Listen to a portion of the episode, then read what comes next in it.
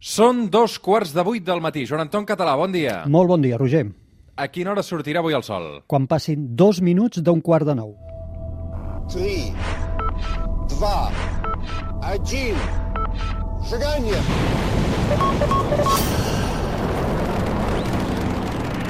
One small step for man, one giant leap for mankind. Joan Anton Català, bon dia. Bon dia i bon any. Aquest any, eh, sí, perquè és el primer dia que ens trobem tu i jo, eh, molts reis han regalat ciència, eh? Sí, eh, la veritat és que estic molt content, ho he vist per xarxes i per xarxes socials, vull dir, i estic molt content, sí, sí, són moments excel·lents per llegir i per també observar el cel. I perquè tenim el panorama que tenim, eh, veurem com acaba tot plegat, perquè no té gaire bona pinta. Avui, eh, ciència i sobretot també una mica de química, potser, no, Joan Anton? Sí, És que ja toca, eh? Mm, Hem de recordar les classes aquelles que anàvem a l'institut i tocaria una mica de química, sí. Avui amb el Joan Anton Català, la Terra és plana, parlem sobre l'oxigen.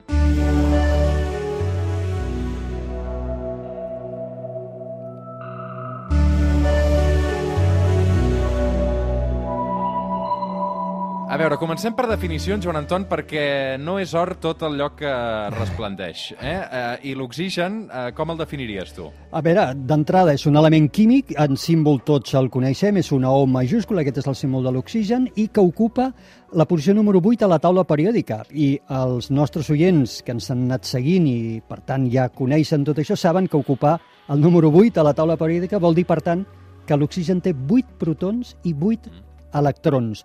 També a la natura sabem que l'oxigen apareix de diverses colors, de diverses formes, per entendre'ns, que n'anomenem isòtops, i recordem que un isòtop és una forma d'un element químic en el que varia el nombre de neutrons. El més abundant de l'oxigen, l'isòtop més abundant que trobem en un 99% és l'oxigen 16, que n'anomenem, que vol dir que té, com dèiem, 8 eh, protons obligadament perquè és oxigen i 8 neutrons, però llavors també trobem altres isòtops estables que són l'oxigen 17, l'oxigen 18, que tots ells tenen obligadament 8 protons perquè són oxigen, però un té 9 neutrons i l'altre 10. Qui el va descobrir? Ah, això no està clar. Això passa, les discussions aquestes són molt típiques dels elements que són tan abundants i, per tant, que el seu coneixement prové de tan lluny i a vegades no es pot atribuir a una, a una única persona clara el seu descobriment.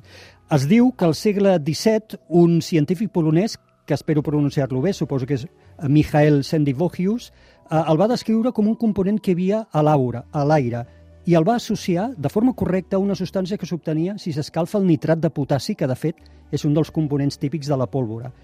Per una altra banda es diu que va ser un suec, en Carl Wilhelm Schiele, el que el va identificar escalfant diversos compostos també al segle XVIII. També al segle XVIII, un britànic de nom George, uh, Joseph uh, Priestley el va descompondre, el va trobar descomponent a l'òxid de mercuri i generava un oxigen, un gas, que era l'oxigen, que si ell el respirava deia que es trobava millor i es trobava com més actiu, aquest era l'oxigen. I finalment arriba el científic francès Lavoisier, molt famós, ell reclama el descobriment de l'oxigen, però el cert és que històricament sabem que havia rebut per, eh, informació de Priestley i sembla que també una carta del suec Chili, eh, que per cert Lavoisier va negar mai haver-ho rebut, que ja en parlaven d'aquest compost. Fos com fos, és a Lavoisier el qui li atribuïm a l'estudi en detall de l'oxigen i ell analitza totes les propietats químiques de l'oxigen durant el segle XVIII. El que eh, sí que sabem és on es va originar, no, Joan Anton? Perquè això devia venir segurament de les estrelles. Molt bé, Roger. Com també m'he explicat moltes vegades, tot el que tenim a la natura, excepte l'hidrogen i l'heli, tot ho han originat les estrelles i, per tant, l'oxigen s'ha cuinat dins del cor bullent d'una estrella. Uh, ara sí et pregunto, on el trobem, l'oxigen? L'oxigen és a tot arreu, és a l'aire, no? Sí, eh, a la nostra atmosfera sabem que, afortunadament, el tenim en una proporció del 21%, més o menys. La resta de l'atmosfera, que ja n'hem parlat alguna vegada, recordem que és bàsicament nitrogen, en quasi un 80%, i també hi ha CO2 i vapor d'aigua. I a l'atmosfera, que és on trobem aquest 21% de l'oxigen, l'oxigen el trobem combinat en si mateix. És una molècula que anomenem O2, que està formada per dos àtoms d'oxigen, i també el trobem com una mica d'ozó, que és l'O3, són tres àtoms d'oxigen combinats. Si no mirem a l'atmosfera i mirem aquí a sota, a terra, el trobem arreu. El trobem formant òxids, el trobem, per exemple, la sorra. La sorra de la platja és òxid de silici, aquí hi ha oxigen. en la pràctica totalitat de minerals i de roques, formant part de compostos combinat amb el silici, amb el carboni, amb el sofre, amb el nostre cos és abundantíssim, el tenim dins els aminoàcids, amb la pròpia estructura de l'ADN, i finalment, arreu, formant part de l'aigua. Recordem que l'aigua és H2O.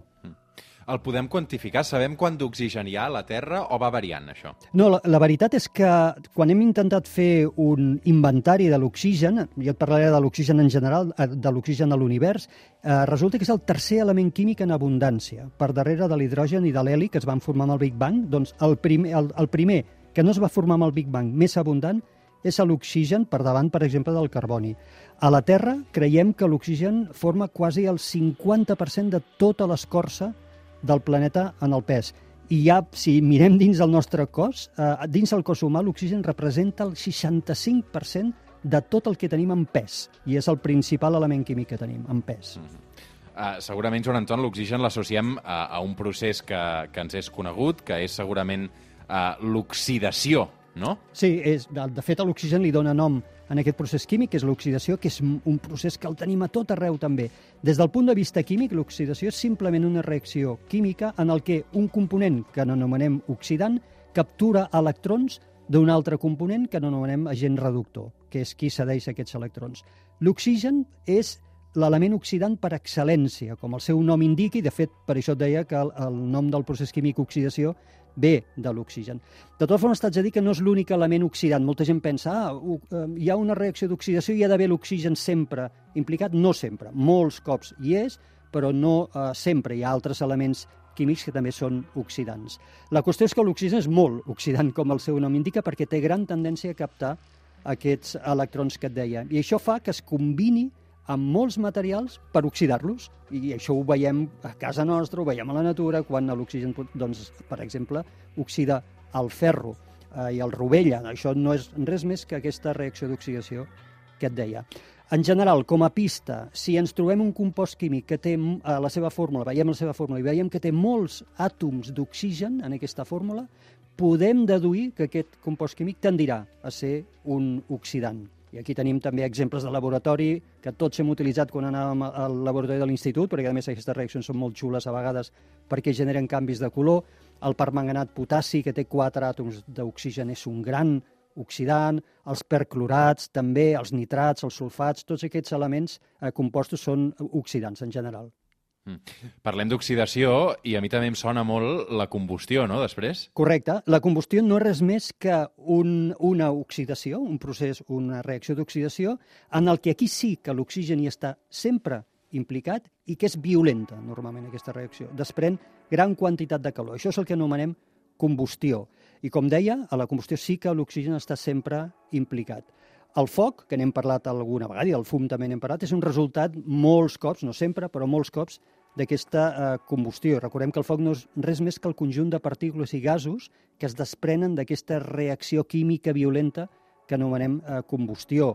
La fusta, per exemple, la fusta sabem que crema en presència d'oxigen, però cura, no sense oxigen, sense aire. Eh?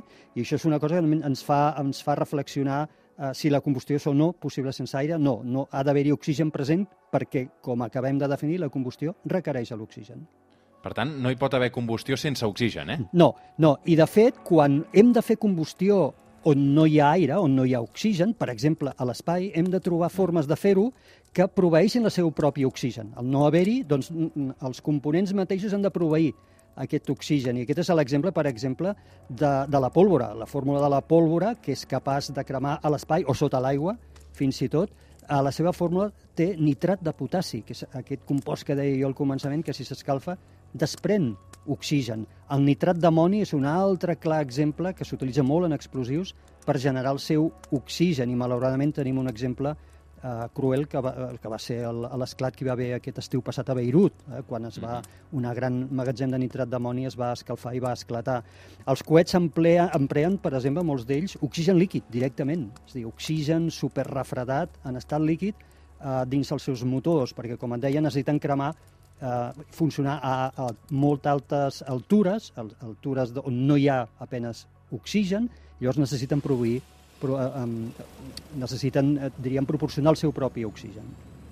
Escolta'm, eh, amb tot això que m'estàs explicant, Joan Anton Català, a les pel·lis de Hollywood que roden a l'espai i que hi ha explosions i que hi fan foc i, i llumins i de tot, Sí. uh, això en realitat no és possible, no? No, no, no, no. Això també n'hem parlat molt i mm, m'agrada molt parlar-ho, sobretot quan vaig a les escoles, em demanen molt la, la conferència que faig de les pífies de les pel·lis de ciència-ficció. No, clar, eh, dèiem, on no hi ha aire, on no hi ha oxigen, no pot haver-hi foc. Quan veiem explosions a les pel·lis de naus, com aquesta que estem escoltant ara, l'explosió dins de la nau és possible, perquè dins de la nau hi ha oxigen, però vista des de fora, l'explosió no pot expandir-se llançant foc eh, per tot arreu al voltant, simplement perquè allà no hi ha res per cremar. Per tant, aquest és un, un error típic, típic d'aquestes pel·lis.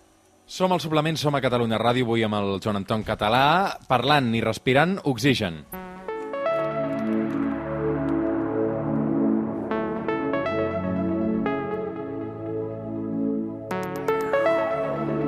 I tot i que el necessitem per viure, eh, també explica, Joan Anton, que és un element perillós, eh? Perillosíssim. Això no ho, normalment no ho tindríem present i si ho reflexiones una mica, l'oxigen l'utilitzem, per exemple, per esterilitzar. Mirar l'aigua oxigenada. L'aigua oxigenada, dèiem, l'aigua és H2O. Doncs l'aigua oxigenada és H2O2. Té un àtom més d'oxigen que el desprèn fàcilment i això el fa un, ser un gran desinfectant. L'ozó, que també l'emprem per desinfectar, és O3. L'oxigen, aquesta capacitat que té d'oxidar, el fa extremadament perillós per la vida, que curiós. Fixa't que la primera atmosfera que tenia eh, la Terra no hi havia oxigen en estat lliure, no n'hi havia, i per tant tots els organismes vius, els primers que es van desenvolupar a la Terra, vivien en condicions que no necessitaven l'oxigen per viure, i tot de sobte apareixen els primers cianobacteris, uns organismes que a través de la fotosíntesi van començar a carregar d'oxigen l'atmosfera de la Terra i provoquen la primera gran extinció massiva del planeta quan pràcticament la gran majoria d'organismes que vivien en aquell moment no podien resistir al fet de la presència d'oxigen lliure i van desaparèixer. I afortunadament se'n van desenvolupar altres d'organismes entre els quals estem eh, nosaltres. Eh? Per tant, a vegades no hi, no hi parem atenció, l'oxigen és extremadament perillós per tota aquella vida que no està acostumada a respirar aquest oxigen. El que passa és que nosaltres de seguida l'associem a, a la nostra respiració, no? Clar, i de fet el, el procés aquest que no anomenem eh, respiració, que és la que ens dona vida a nosaltres, hi ha milions d'espècies en el planeta, no és res més que una reacció d'aquestes que dèiem de combustió, que dèiem sempre hi ha l'oxigen implicat, és una reacció d'oxidació on hi ha l'oxigen, que desprèn gran quantitat d'energia, és violenta. Doncs mira, el nostre cos, igual que tots els cossos dels organismes aeròbics, que vol dir els que respiren oxigen, són capaços de controlar dintre de les cèl·lules aquesta reacció de combustió perquè no sigui violenta. Aconseguim generar energia a través d'aquest oxigen a dintre de les cèl·lules, però de forma que no sigui violenta aquesta generació. Joan Anton, i quina és la quantitat de mínima d'oxigen que hem de tenir els humans per poder respirar? Clar, per poder respirar hi ha d'haver una mínima concentració d'oxigen. Això ho sabem, per exemple, o ho hem llegit quan eh, ens parlen d'escaladors que pugen molt amunt i necessiten a vegades doncs, eh, portar oxigen, no? perquè si no, no en tenen. Es calcula que una concentració inferior d'oxigen al 15% ens pot portar a la inconsciència i per sota del 6% a la mort per asfíxia. Recordem que l'atmosfera en estat lliure tenim normalment el 21%, doncs per sota del 6% morim d'asfíxia.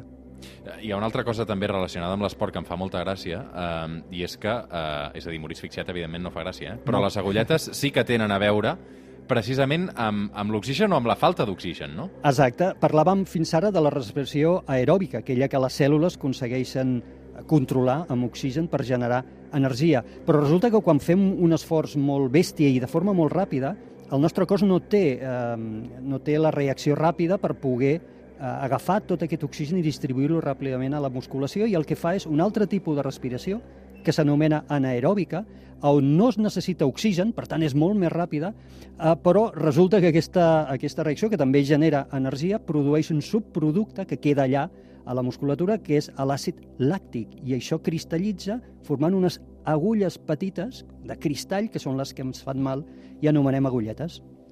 Cruiximents es veu que n'hem de dir en català. Ah, sí? Mira, no ho Aquests sabia. cruiximents- Sí, sí, sí, sí, sí, sí. El que passa és que agulletes està tan extès. Uh, però sí, sí, uh, cosa que hem après avui també, això de les, uh, dels cruiximents, perquè Molt no bé. tenia clar que, que tenia a veure precisament amb, amb, amb l'oxigen. Uh, queda clar en qualsevol cas que l'oxigen és un element uh, que té una vida curta, però que sobreviu, no? Sí, com que hem dit que es combina ràpidament en qualsevol element per oxidar-lo, com per exemple el ferro, però molts altres també, voldria dir que una atmosfera que no tingués un mecanisme de regeneració d'oxigen, aquest oxigen desapareixeria ràpidament. En milers d'anys, tot aquest oxigen quedaria combinat amb minerals i amb altres, eh, amb òxids, etc. No? Afortunadament, això no passa a la Terra perquè hi ha una font que renova constantment l'oxigen i aquesta és la fotosíntesi. Sabem que la fotosíntesi que fan tots els eh, organismes vegetals que tenen la clorofila, doncs el que fan és el procés justament invers a la nostra respiració. Agafen eh, CO2 de l'atmosfera i el converteixen en oxigen i alliberen aquest oxigen, de forma que circula l'oxigen, es torna a combinar fent òxids en els minerals, però afortunadament els vegetals tornen a recarregar l'atmosfera d'oxigen.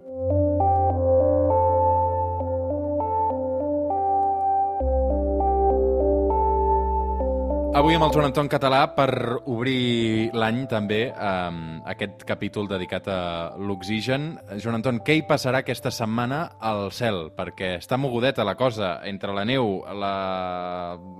les baixes Sí. temperatures, no? Perquè és que realment eh, estem tenint un hivern Sí. eh, extraordinari, eh? Sí, sí, no sé si ho podrem veure, tot això que ara comentarem de què, es po de què es pot veure el cel, però per si algú té un cel clar, doncs aquesta propera matinada, una fina lluna minvant, se, situa se situarà molt a prop visualment de Venus, just abans de la sortida del Sol, per sobre de l'horitzó sud-est. Venus brilla moltíssim, sembla, de fet, un avió, a vegades dic un omni, perquè quan mires abans de la sortida del Sol el veus baix sobre l'horitzó, però brillant moltíssim, doncs la lluna minvant s'hi col·locarà visualment molt a prop, molt a prop aquesta matinada.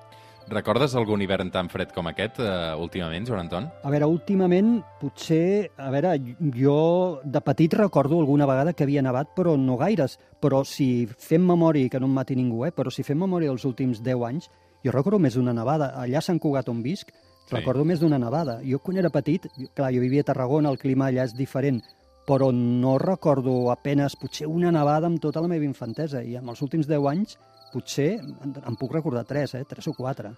I creus que té a veure amb el canvi climàtic, això? Mm, no m'atreviria a dir que les nevades eh, tinguin a veure amb el canvi climàtic. T'haig de dir que el canvi climàtic és una realitat que tenim sobre Però el la canvi taula. climàtic també són extrems, no? Sí, és sí, a dir, sí, sí, total. molta, molta, molta més calor, segurament, però Mm. també més fred, no? Sí, sembla que ens estem carregant les estacions inter intermitges, és a dir, la primavera i la tardor sembla que van, es van reduint o, o d'alguna forma es van diluint i passem ràpidament dels hiverns crus als estius també crus no? i durs.